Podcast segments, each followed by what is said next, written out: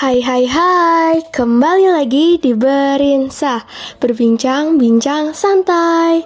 Kembali lagi nih sama gue Karisa Putri. Kangen gak nih sama gue? Malam minggu ini gue bakalan bawain cerita random dari narasumber gue. Daripada kelamaan, yuk langsung aja ke ceritanya. Jadi hari ini tuh gue mau cerita tentang pengalaman pensi pertama gue di sekolah kan ya Jadi waktu itu tuh teman sebangku gue ngajakin gue kan buat nonton pensi bareng nih Awalnya gue nolak lah, gegara males juga ke sononya tapi setelah dia bilang bakal ada banyak artisnya dan ada salah satu artis favorit gue, ya akhirnya gue ikut lah. Ditambah lagi dia juga udah beliin tiketnya. Lumayan lah tiket gratis. Nah, terus ternyata ada satu lagi nih temen gue yang kebetulan rumahnya deket sama sekolah yang lagi ngadain tuh pensi kan ya. Akhirnya teman sebangku gue ini ngajakin gue buat ke rumahnya lah. Terus sorenya kita semua bareng tuh ke tempat pensi. Udah nih kan ceritanya udah di hari pensinya. Pas lagi jalan buat ke venue tempat tukerin tiketnya, tiba-tiba teman sebangku gue bilang, gue bakal nginep sa di rumahnya si B. Lu ikut nginep juga nggak? Panik dong gue di situ sebagai anak yang strict parents.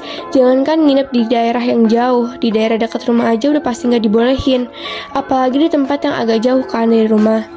Di situ juga gue nyesel nih, gegara nggak nanyain dulu pensinya dimulai dari jam berapa sampai jam berapa kan.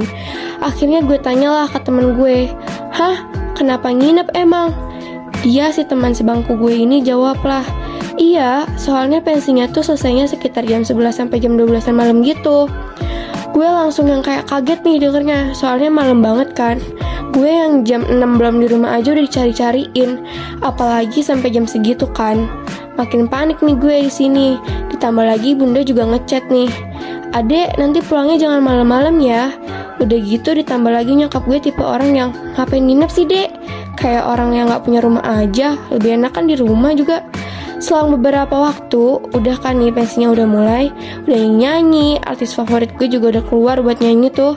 Tapi tiba-tiba kepikiran lah gue nih, gimana caranya nyari alasan yang bener-bener alasan gitu biar nyokap percaya kan muter otak yang lama banget banget banget sampai akhirnya dapat ide lah nih gue biar dibolehin sama nyokap.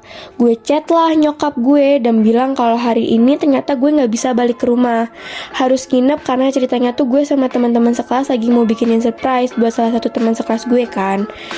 Gue bilang lah ke bunda Bun, kayaknya nanti Ade nggak bisa balik nih. Soalnya Ade diajakin nginep buat nyiapin birthday partinya teman sekelas Ade.